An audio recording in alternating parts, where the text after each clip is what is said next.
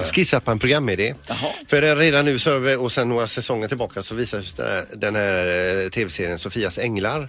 Där man, eh, folk har skickat in eh, brev och kanske nominerat någon och så vidare och så kommer då hon dit till en familj någonsin som har haft det riktigt tufft, svårt och mycket tragiskt bakom och så vidare. Och så gör de livet lite bättre. Genom att hjälpa dem med lite byggprojekt och fixa Mm. hemma och sådana där grejer va? Men likväl som det finns folk som har haft det jobbigt så finns det folk som har det för bra. Ja, Och Man stör så, sig. Och så att man stör sig på dem. Och då tänkte jag programidén Peters jävlar.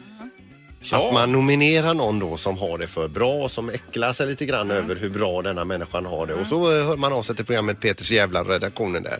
Och så kommer vi dit och gör livet till ett helvete Ja. för den här människan Va, istället. till, typ vad då tänker du? Exempel. Jag har fyra punkter här Jaha. som man skulle då, eh, till exempel att man kommer hit och sakta men säkert sprider ut hemska rykten i grannskapet om vad det här är för människor. Det, är, det behöver inte ha någon sanningshalt överhuvudtaget. Nej. Vi, när familjen är borta, planterar vi vägglös.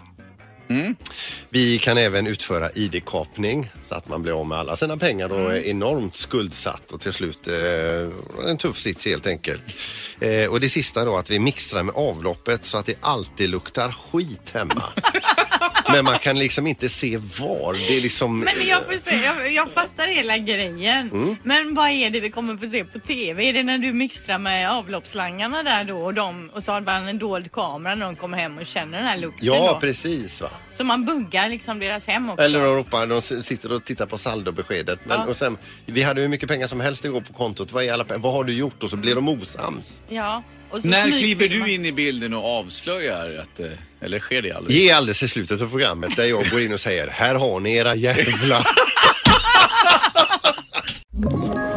Ett poddtips från Podplay.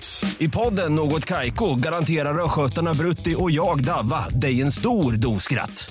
Där följer jag pladask för köttätandet igen. Man är lite som en jävla vampyr. Man har fått lite blodsmak och då måste man ha mer.